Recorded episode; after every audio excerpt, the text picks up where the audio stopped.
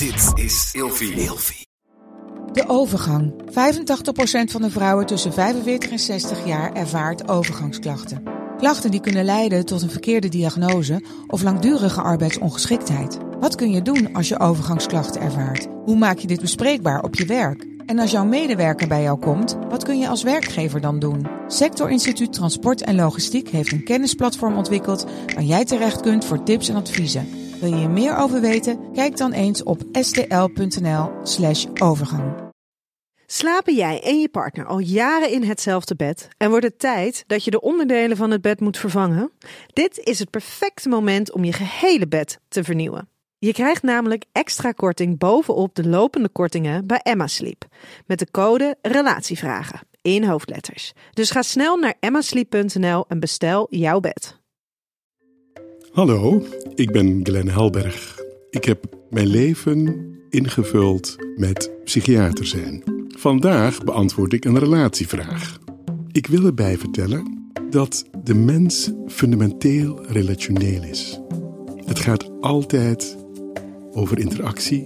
Afhankelijk van hoe die interactie verloopt, wordt het een goede relatie, een harmonieuze relatie of een relatie met veel vraagtekens. We hebben het nu over de bijzondere relatie, namelijk partnerrelaties. Moet je echt eerst van jezelf houden voordat je van een ander kan houden? Weet je, er zijn zoveel mensen die niet van zichzelf houden en van een ander houden. Ja, dat is nou eenmaal een van de zaken die we weten die er is. Dus moet je eerst? Nee, moet er niet. Maar wat we merken uiteindelijk, als je niet van jezelf houdt, dan betekent het dat je in je relatie vaak niet in staat bent om duidelijk aan te geven wat jij nodig hebt. Om duidelijk je grenzen aan te geven.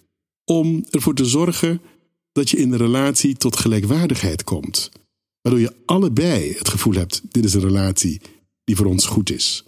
En heel lang kun je een relatie volhouden waarbij je zegt: ik hou niet van mezelf. Dat hoor je in therapie, dat mensen niet van zichzelf houden en die zijn helemaal idolaat van die ander. En wat is dan de reden dat je ongelukkig bent? Want je hebt een relatie met die ander. En je hebt ook een relatie met jezelf. En die relatie met jezelf, als je niet geleerd hebt hoe die in te vullen, kan het betekenen dat uiteindelijk je ongelukkig bent. En sommige mensen kunnen heel lang met hun ongeluk omgaan. Die denken dat het zo hoort. Die denken dat God het zo gewild heeft. En zo zijn er heel veel van die mechanismen in de samenleving die ervoor zorgen dat jij op de plek blijft waar je bent. Dat je niet verder komt. En uiteindelijk heb je het idee dat je goed geleefd hebt omdat je je gehouden hebt aan alle regels die er zijn, alle normen die er zijn. En dat je misschien niet zo gelukkig bent geweest en dat je jezelf niet zo hebt kunnen ontwikkelen. Ja, dat neem je op de koop toe, omdat je gericht hebt op de buitenwereld.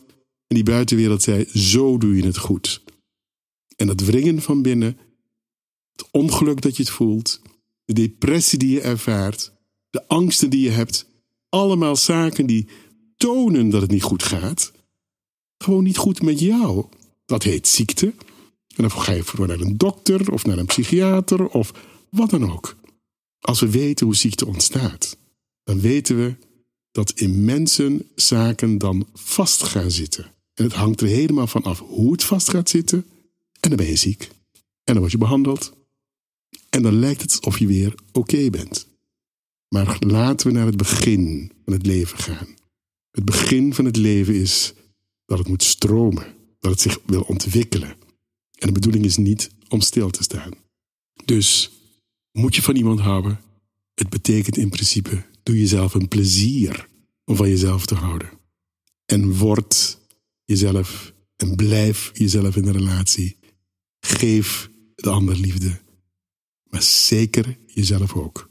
Want het lijkt erop alsof de beloning dan is dat je van binnen je gelukkig voelt omdat jij de keuze hebt gemaakt.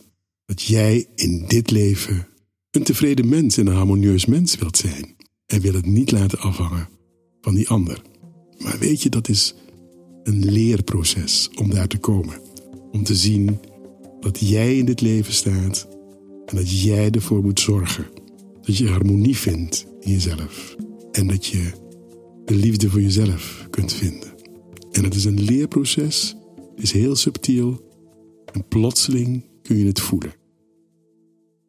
Met de code Relatievragen in hoofdletters krijg je 10% korting bovenop de 50% korting die je nu krijgt op het bed dat ik bijvoorbeeld heb. Dus ga snel naar emmasleep.nl en bestel jouw bed.